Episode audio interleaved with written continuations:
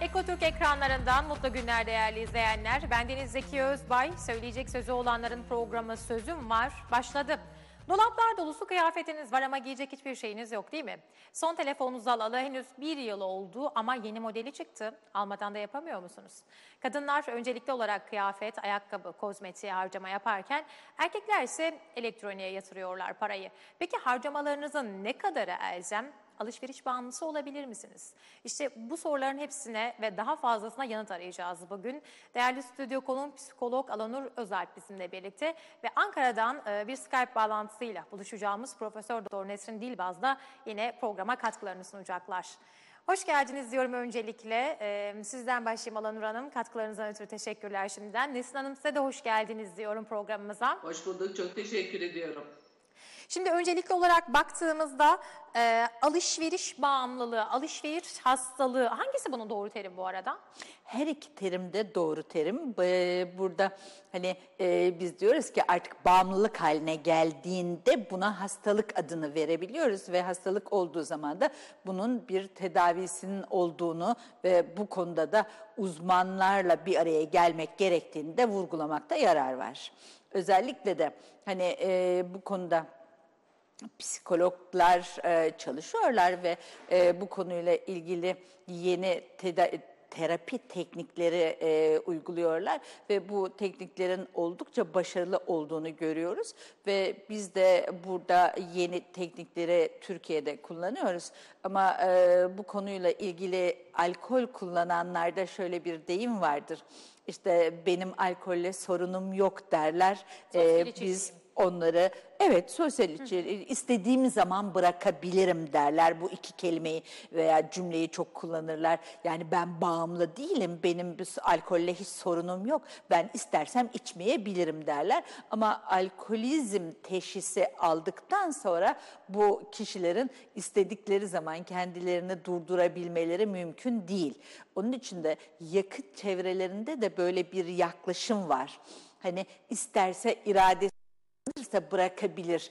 E, bu konuda bir e, bilimsel yaklaşımda yardım almasına hiç gerek yok gibi bir beklenti veya yaklaşım olduğu için bu da bizi olabildiğince hani e, geciktiren bir durum. Çünkü hı hı. burada gecikmemek çok önemli. Bağımlılığın kemikleşmesi veya çok artık e, kontrolünü hiç koyamayacak noktaya gelmeden müdahale edilmesi çok önemli. Pekala. Şimdi e, Profesör Doktor Nesrin Dilbaz'a da dönmek istiyorum. Alışveriş bağımlılığı ya da hastalığı ikisini de söyleyebiliyoruz. Pekala bu hastalığa ya da bağımlılığa teşhis koyabilmek için hangi kriteri taşıması gerekiyor bireyin? Yani ben çok harcama yapıyorum ama bu çok neye göre çok, kime göre çok? Belli bir baremi var mı bunun? Ne zaman alışveriş bağımlısı olduğumu anlayabilirim ya da anlayabiliriz? Evet, öncelikle merhaba diyorum Zeki Hanım size de, Alanur Hanım'a da merhabalar. Ee, şimdi e, terminolojiye şöyle bir bakmak gerekirse, bakın bu ister alışveriş olabilir, ister yeme olabilir, ister teknoloji olabilir. Bunlar bizim hayatımızda var olan şeyler zaten. Yani tabii ki alışveriş yapıyoruz, tabii ki teknolojiyle uğraşıyoruz ya da ne bileyim at, atıyorum işte milli piyango alıyoruz. Ama burada patolojik alışveriş dediğimiz yani alışveriş hastalığı adını verdiğimizde yani gerçekten ihtiyacımız olmadığı halde ihtiyacımız olmayan şeyleri almakla ilişkilendiriyoruz. Şimdi yeme davranışı da yani biraz davranış bağımlılıklarına baktığımızda işin içinden alışverişi çıkaralım. Onun üzerine odaklanalım istiyorum. Hı hı. Yani bağımlılık beyinde oluşturulan bir hastalık aslında. Sonuçta hep haza yönelik. Yani biz baktığımızda haz eksikliği olan insanlar yaşamımızda haz alabilmek adına ya bazı şeyleri kullanıyoruz madde ya da alkol gibi ya da sigara gibi ya da bazı davranışlarımızı yapıyoruz. Ama normalden fazla normal hayatımızda olan davranışı sadece haz odaklı yapmaya başladığımızda yani beynimizdeki o haz üçgenini uyarmak ve dopamini arttırmak amaçlı yaptığımızda artık ipin ucu kaçmış oluyor. Yani o zaman işte aynı modelden, aynı renkten birçok şey almaya başlıyoruz e, ya da işte yemeğiyle ilgili yaşamımızda var olmak, yaşamı sürdürmek için yemek yememiz lazım. Ama yeme bağımlılığında söz ettiğimizde Hatta ben şöyle özetliyorum onu, ruhumuzu doyuramadığımız için bir türlü karnımızı da doyuramıyoruz. Şimdi benzer biçimde de yani alışveriş bağımlılığı ya da alışveriş hastalığı ya da patolojik alışveriş ki bunun içine birazdan söz edeceğim. Online alışverişi mutlaka koymamamız gerekiyor. Çünkü online alışveriş bu işi daha da arttırmaya başladı. Yani bu anlamda baktığımızda baremimiz şu Zeki Hanım. Gerçekten ihtiyacınız olmadığı halde ve alacak paranız da olmadığı halde Hmm, asıl onu sırf kendinizin lazım. hazzını oluşturabilmek, yani kendi ruhunuzu doyurabilmek amaçlı aldığınız, al, alışveriş yapmak istediğiniz durumda biz artık patolojik alışverişten bahsediyoruz. Ama bu alışveriş bağımlılığına gelmesi için o zaman şu üç kriter ekleniyor. Nedir? Alışveriş yapmayı çok aşırı istek duymanız lazım, aşermek gibi. Hı hı. Alışveriş yapmadığınız zamanlarda yoğun sıkıntı yaşamak lazım. Örneğin kredi kartınız çalışmadığında hani etinizden et koparıyorlar gibi yoksunluk belirtileri yaşamanız gerekiyor. Etrafınızdan çok fazla eleştiri almanıza rağmen alışveriş yapmaya devam ediyorsanız, yasal olarak yani kredi kartınızı ödeyemediğiniz için başınız derde girmesine rağmen hala alışverişe devam ediyorsanız, ailede eşinizle problem yaşamanıza rağmen devam ediyorsanız o zaman bu iş bağımlılık tarafına geliyor. Ama bir ara bölüm var ki burasını mutlaka vurgulamak istiyorum. Çünkü bu bölümde bizim önlem almamız çok daha önemli. Yani patolojik alışveriş dediğimizde gereğinden fazla alışveriş yaparak mutlu olmayı öğrenmeye başladığımız andan itibaren biz profesyonellerin devreye girmesi gerekiyor. Şimdi Nesrin Hocam peki birey kendine bu noktada yani bağımlı olup olmadığını değil ama ya bir sonraki aşaması olduğu için söylüyorum patolojik alışveriş yapıp yapmadığını anlamak için benim bu ürüne bu hizmete ihtiyacım var mı diye mi sorması gerekiyor kendine? Evet bakın şimdi tabii ihtiyacın var mı da bazen tartışılan bir şey. Evet. Şimdi eşlerle bunu konuştuğumuzda örneğin bir yere gittiğinizde gittiği zaman hanım diyor ki ben bir etek alacağım. Şimdi eşinin ilk sorusu şu oluyor. Eteğe ihtiyacın var mı? Yani bakın eteğe ihtiyacı olması için insanın hiç eteğinin olmaması, Olmaması gerekiyor. lazım. Doğru mu? Şimdi tabii bu doğru bir şey değil. Çünkü öyle bir e, körüklenen tüketim e, ekonomisi var ki Evet. yani kısa etek olabilir, siyah etek olabilir, pileli olabilir, kloş olabilir, diz altı olabilir gibi Var gibi. var. Yani şimdi hani bunların hepsine baktığınızda bunların hepsi bir ihtiyaç olarak öne getirilebilir. Ama gerçekten ihtiyaç tırnak içinde gerçek ihtiyaçlardan bahsetmemiz gerekiyor burada. Hı hı. Yani bir diz altı eteğiniz varken işte bir diz üstü etek almak gerçek bir ihtiyaç demek değildir. Ya da çok basit bir örnek vereyim hani bir e, hastamdan dolayı bunu size söyleyebilirim. Hiç duydunuz mu bilmiyorum. Klozetin içine konulan bir lamba. Duydunuz mu böyle bir şey? Hayır. Bakın klozetin içine bir lamba takılıyor. Gece Evet. tuvalete gittiğinizde ışık yanmasına gerek yok. Siz bu ışık klozetin içine aydınlatıyor. Evet. Yani işte hani erkeklerin klozeti yolunu mu bulamayacak, hani şimdiye kadar bakıyor da tuvaletini dışarı mı yapacak böyle bir şey değil. Rengarenk yanabiliyor bu. İdrarınızın rengini değiştiriyor ve bu bir alışveriş olarak alış, alışveriş Çok itemi olarak size sunuluyor. Ve online alışveriş eden erkeklerin de böyle bir alışveriş çılgınlığı var. Şimdi buna ihtiyacı olabilir mi bir insanın? Herhalde ben de olamaz diye düşünüyorum ama zaman ne Nesrin için Hocam olabilir? merak da ettim. Yani e, şüphesiz sormuşsunuzdur hastanızda. Bununla ilgili bir tatmin yaşamış mı? İhtiyacı olmadığı halde evet bunu almış ama kendisine e, psikolojik olarak ne gibi bir destek sağlamış bunu aldıktan sonra? Yeni bir şey almış olmanın getirdiği haz. Hmm. Bakın bir merak, o merakı ve doyurmanın getirdiği bir şey ve yeni bir şey almanın o alırken yaşadığı haz. İkincisi bunu diğer arkadaşları hiç duymazken, bilmezken onda bunun olmanın getirdiği de bir haz. Yani şimdi bakıldığında ihtiyaç olarak tanımlarsanız Evet. yani bir evde böyle bir ihtiyaç yok. Ama ruhsal Evet. ihtiyaç olarak var mı? Var. Çünkü işte bir şeyin ilki pioneer olması, e, işte merak ettiği bir şeyi alması, bunların kendisine kişisel olarak bir haz getirdiği için yapılan bir alışveriş bu. Yani bu Çok bir ayakkabı değil, bu bir eldiven değil. Doğru. Bu anlamda baktığımızda gerçekten ihtiyaç olmadığı halde sırf canı sıkıldığı için Hani yenilik olsun diye o sıradaki can sıkıntısını gidermek, kendini iyi hissetmek için yapılan bir alışveriş bu. İşte burada artık bunu biz patolojik alışveriş olarak tanımlayabiliriz. Ama bağımlılık diyebilmek için biraz önce söylediğim gibi bunun için çok aşırı istek duyma, bunu yapamadığında çok yoğun sıkıntı hissetme, hırçınlaşma, sosyal problemlere rağmen buna devam etme gibi kriterler olduğunda iş bağımlılık olur. Onun için hani e, herkes de Alan Hoca da dedi ya yani bağımlı değilim diyorlar. Doğru. Çünkü çoğunluğu bağımlı değil. Ama patolojik alışveriş yapıyorlar. Bu bağımlılığın bir öncesi.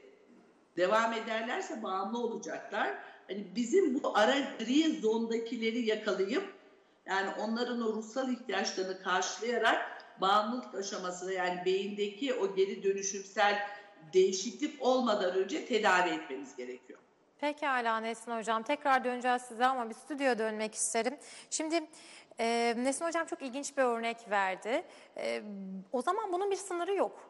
Yani neyi isteyip neyi alabileceklerinin, alışveriş bağımlılığına adım atmaya doğru gidenlerin, o yolda yürüyenlerin ya da patolojik alışveriş yapanların alabilecek ürün ya da hizmetlerinin bir sınırı yok. Aklınızdan ne gelirse ya da belki de gelmeyen şeyler. Ya klozetin içindeki ışıklandırma benim asla aklıma gelmeyecek bir şeydi mesela. Ee, şöyle e, dış uyaranlar da onları bu noktaya doğru götürebiliyor veya sürükleyebiliyor. Örneğin baktığımız zaman işte arkadaşı almış, e, komşusu almış. E, o zaman onda da olması lazım bir moda çılgınlığı gibi. Hmm. Bizim biraz önce Nesin Hoca da vurguladı etek alacak ama işte o kadar fazla hani e, gardırobunda etekleri var ki ama yeni bir etek çıkmış klapalı e, işte e, e, yırtmaçlı önden fermuarlı böyle bir şey bu bunun olması lazım gibi veya ilk bende olması lazım gibi böyle bir e, dış uyaranlarında onu oraya doğru itmesi söz konusu.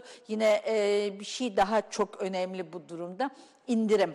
E, evet. bütün mağazaların üzerinde indirim. İşte yüzde 90 indirim yüzde 80 indirim veya mağazayı kapatıyoruz. Son bir hafta veya işte son bir ay falan gibi bu tip görünen şeyler o e, patolojik alışveriş e, yapan kişileri tetikleyen noktalar. İşte yüzde 70 bir e, oran oldukça yüksek bir oran. Bazı mağazalar yüzde 90 veya kapatıyoruz.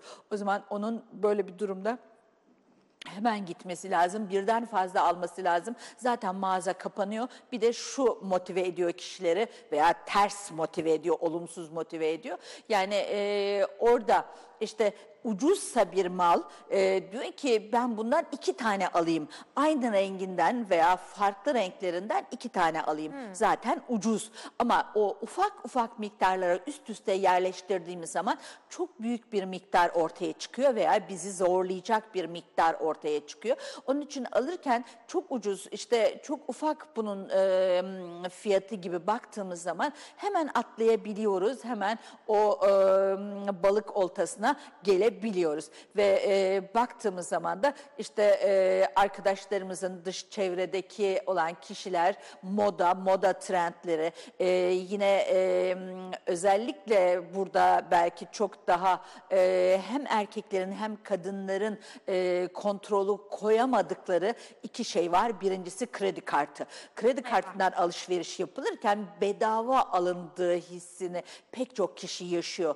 Para vermedim cebimden para çıkmadı aldığı kredi işte ufak taksitlerle öderim ben onu veya kasaya yaklaştığı zaman kasiyer hemen soruyor taksitlendirelim mi diye. Aa tabii taksitlendirelim falan sonra o taksitleri o minik minik taksitler üst üste geldiğinde yine büyük rakamlarla bizi zorluyor, üzüyor, sıkıntıya sokuyor. Tabii ki burada eşler arası ilişkiyi de bozan bir durum bu. Alışveriş çılgınlığı veya alışveriş bağımlılığı. Çünkü e, evlilikleri de dağıtabilecek kadar güçlü bir durum.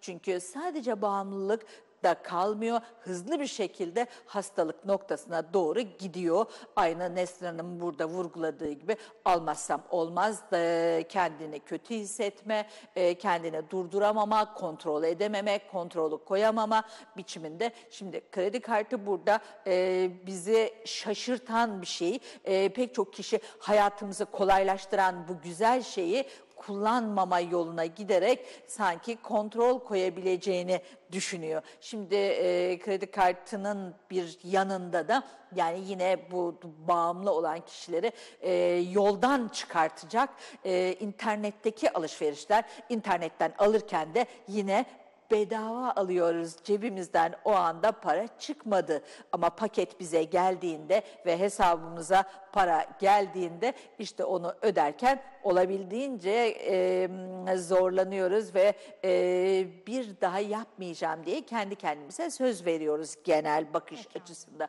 ama yeniden yeniden tekrar ediyoruz. Onun için de burada belki olayı ikiye ayırmak lazım ama en önemlisi e, bağımlılık arkasından hastalık.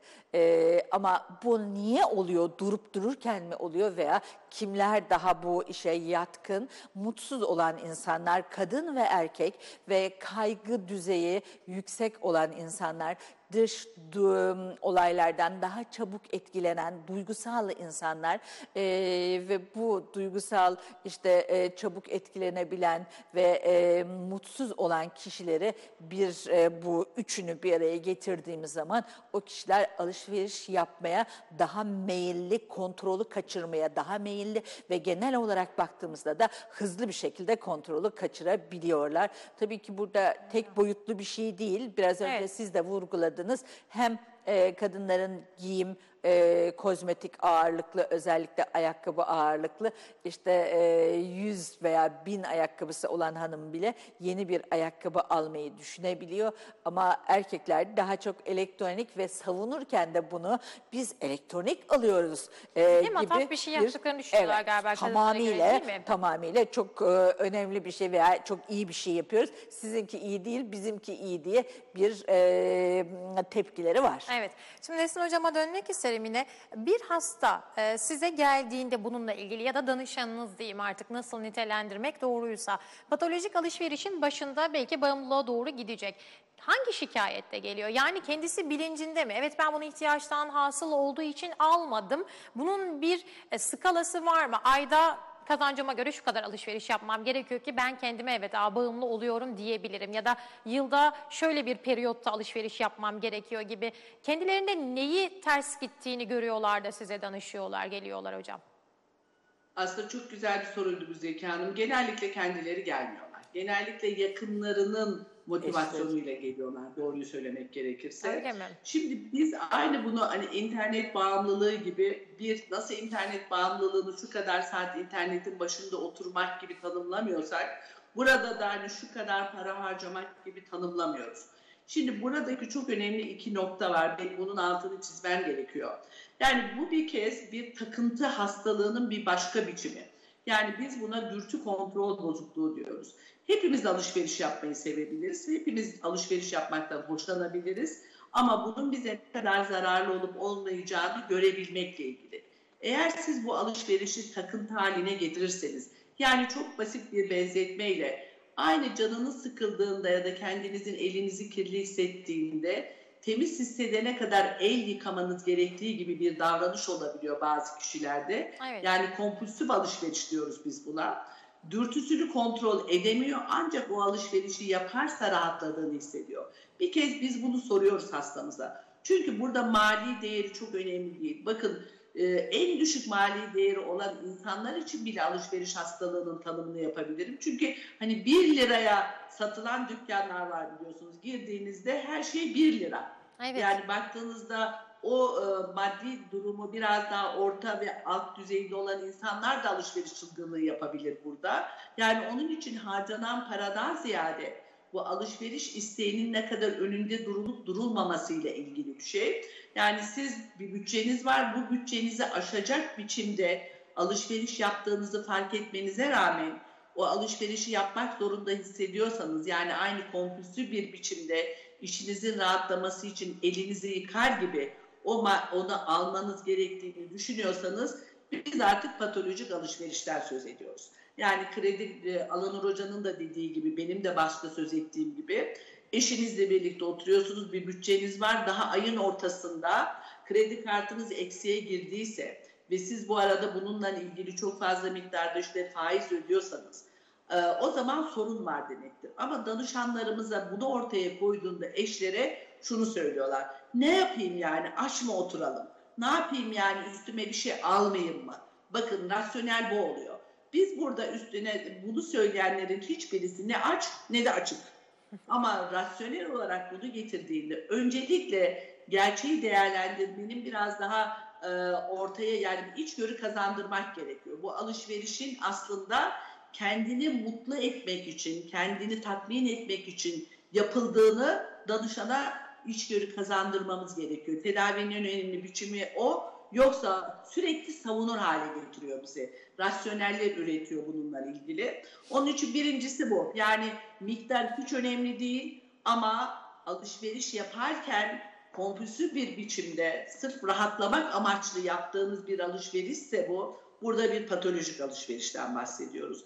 Biraz önce Alanur Hoca dedi mutsuz insanlar, kaygılı insanlar doğru. Biraz daha analitik baktığımızda aslında biraz doyumsuz olan insanların bunu yaptığını görüyoruz.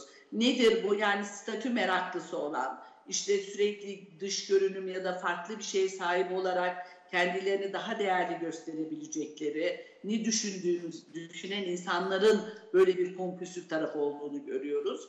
Bir de tabii dış etmenler var. Biz buna çeldiriciler diyoruz. Yani bu durum iki şeyden kaynaklanıyor. Bir bireye ait nedenler, bir diğeri de çevreye ait nedenler. Mesela çeldiricilere baktığımızda en büyük alışveriş, patolojik alışveriş yapılan toplum Amerika'dır.